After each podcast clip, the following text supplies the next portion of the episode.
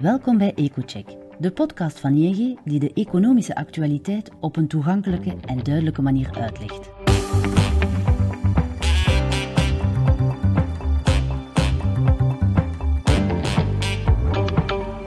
Om de twee weken buigen onze economen zich over de meest besproken gebeurtenis en analyseren zij de economische en financiële gevolgen voor u of uw onderneming.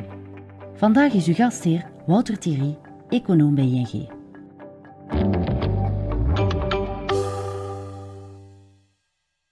Hallo en welkom bij een nieuwe aflevering van EcoCheck. 100.000, zoveel nieuwe banen werden er netto gecreëerd in België in 2022. Dat is de sterkste jobcreatie in meer dan 70 jaar. Toch een opvallend cijfer, want tegelijkertijd kampen we met een energiecrisis en een torenhoge inflatie. Hoe komt het dan dat de arbeidsmarkt zo'n uitstekend rapport kan afleveren, terwijl de economie de afgelopen maanden toch sterk is vertraagd? In deze podcast gaan we er dieper op in.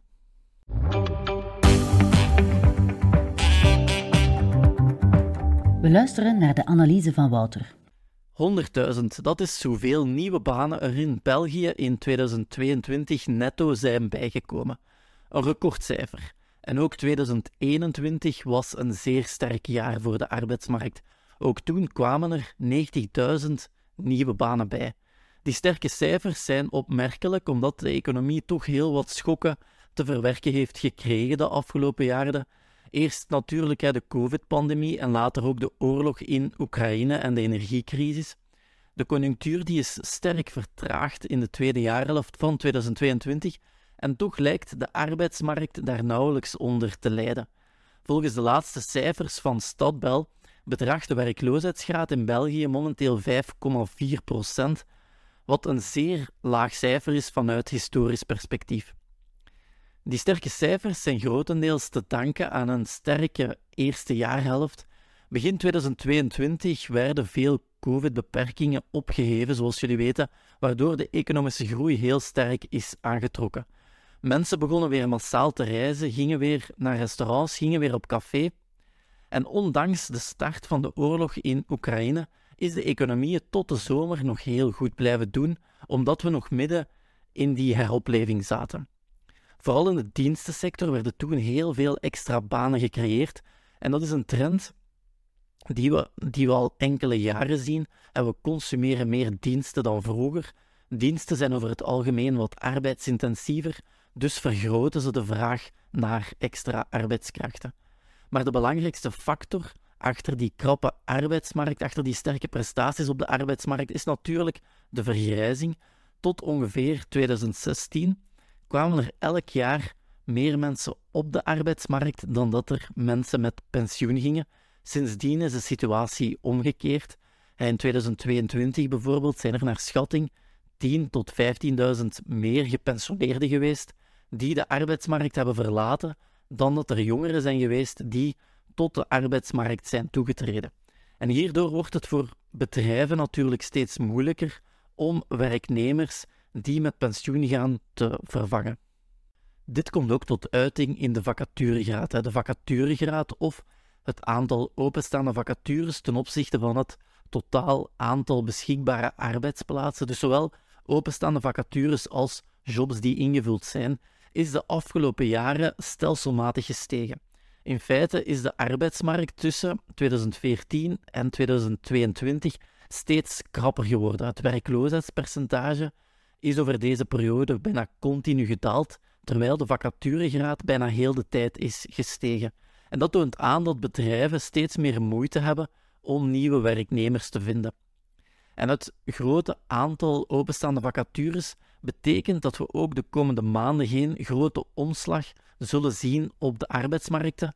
Op de arbeidsmarkt, sorry, ook al zijn de economische vooruitzichten weinig rooskleurig. En zelfs als bedrijven de komende maanden wat minder nieuwe werknemers gaan aanwerven, zal dit hoogstens ja, de krapte op de arbeidsmarkt wat, wat doen afnemen. Maar het is weinig waarschijnlijk dat het zal zorgen voor een sterke stijging van de werkloosheidsgraad. Bovendien zijn bedrijven juist heel voorzichtig met het ontslaan van werknemers, omdat het heel moeilijk is om vervangers te vinden op dit moment. Dus zolang bedrijven zeer vlot blijven recruteren, zal de werkloosheidsgraad ook laag blijven. De situatie zou er heel anders uitzien bij een lage vacaturegraad. Dan zou elke economische crisis zich onmiddellijk vertalen in heel veel jobverlies, maar dat is momenteel zeker niet het geval. Toch zijn de sterke Belgische cijfers ook weer niet zo uitzonderlijk. Ook in andere landen werden er vorig jaar heel veel nieuwe jobs gecreëerd. Zo is sinds eind 2019 en net voor het begin van de pandemie de werkgelegenheidsgraad of ja, het gedeelte van de bevolking dat werkt binnen de bevolking op arbeidsactieve leeftijd in België met 1,6 procentpunt gestegen. Een zeer sterk cijfer zou je kunnen denken, maar in onze buurlanden, Nederland, Frankrijk, Duitsland, is de werkgelegenheidsgraad met gemiddeld 1,7 procentpunt gestegen, dus nog iets sneller eigenlijk. En dit betekent ja, dat we, ondanks de sterke groei, de kloof met de buurlanden niet verkleinen. En bovendien houden we al een achterstand ten opzichte van onze buurlanden. En onze buurlanden zitten al op een gemiddelde werkgelegenheidsgraad van bijna 80%, terwijl wij in België slechts op 71% zitten.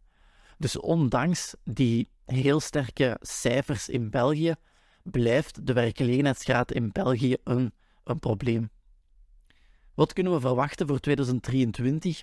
Ja, de vraag blijft natuurlijk hoe dat Belgische bedrijven de hogere loonkosten als gevolg van de automatische loonindexering zullen opvangen. België is een van de weinige landen, zoals jullie weten, waar de lonen automatisch worden geïndexeerd. Daardoor zijn de lonen met meer dan 11% gestegen vorig jaar. En met dat systeem is België vrij uniek in de wereld. In onze buurlanden stegen de lonen veel minder snel. En die extra loonkosten komen natuurlijk bovenop de hogere energiefacturen en alle andere kostenstijgingen waarmee bedrijven momenteel geconfronteerd worden. En dat zou ervoor kunnen zorgen dat bedrijven wat meer gaan beginnen twijfelen of ze die extra werkkracht wel echt nodig hebben, om zo te vermijden dat de loonkosten te hoog zouden oplopen. Daarnaast zouden bedrijven die internationaal actief zijn kunnen besluiten dat ze hun nieuwe arbeidskrachten vooral gaan zoeken buiten België, in landen waar de loonkosten minder sterk gestegen zijn, waar die loonkosten een heel stuk lager liggen. En in het ergste geval zouden sommige bedrijven mogelijk ook kunnen beslissen om een deel van hun activiteiten naar het buitenland te verplaatsen, om zo ja, die loonkosten een beetje te kunnen drukken. Dat zou de druk op de Belgische arbeidsmarkt wat kunnen verlichten, wat kunnen wegnemen. Toch ja, zijn er ook heel veel bedrijven die op dit moment vrezen dat ze geen nieuwe werknemers gaan kunnen vinden wanneer ja, de economische situatie wat verbetert. En daarom zullen veel bedrijven waarschijnlijk proberen hun werknemers zoveel mogelijk bij zich te houden. Dus ja, om terug te komen op de initiële vraag, staan we voor een ommekeer op de arbeidsmarkt? Het lijkt op dit moment weinig waarschijnlijk, zeker op korte termijn. De kans is groot dat de arbeidsmarkt wat minder krap wordt en dat de werkloosheidsgraad opnieuw wat gaat stijgen de komende maanden. Zeker omdat de arbeidsmarkt altijd ja, met enige vertraging reageert op de economische conjunctuur. En daarom zullen we, net als in de buurlanden, maar ook in de Verenigde Staten, de gevolgen van de oorlog in Oekraïne, van de energiecrisis misschien pas dit jaar gaan merken op de arbeidsmarkt. Maar een grote ommekeer moeten we eigenlijk niet verwachten. Er staan nog altijd heel veel, heel veel vacatures open, waardoor de meeste mensen die hun job verliezen vrij vlot ander werk eh, zullen vinden. Bedrijven zullen ook zeer voorzichtig zijn met het ontslaan van werknemers, omdat ze weten dat het heel moeilijk zal zijn om nieuwe, nieuwe krachten te vinden wanneer de economie terug aantrekt. Bovendien zal ook de vergrijzing er ook voor zorgen dat de arbeidsmarkt de komende jaren zeer krap zal blijven. Anderzijds moeten we ook niet te optimistisch zijn. De oorlog in Oekraïne en de energiecrisis waren een zware schok voor de Belgische economie. En we mogen niet vergeten dat die schok door de automatische loonindexering vooral werd gedragen door enerzijds de overheid en anderzijds het bedrijfsleven. En veel minder door de gezinnen dan in andere landen. En daardoor hebben onze bedrijven wat aan concurrentiekracht moeten inboeten het afgelopen jaar. En bij gevolg zal België eenmaal de crisis voorbij is en de economie terug begint aan te trekken, minder, waarschijnlijk minder nieuwe jobs creëren dan in de buurlanden.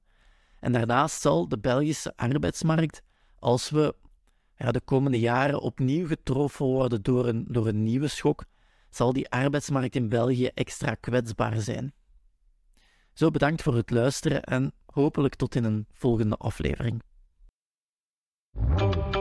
Zo, dit is het voor vandaag. Bedankt om te luisteren naar deze aflevering.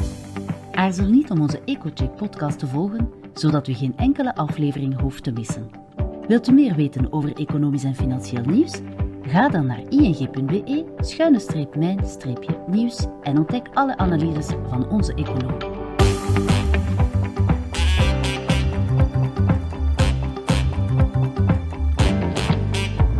Graag tot de volgende aflevering.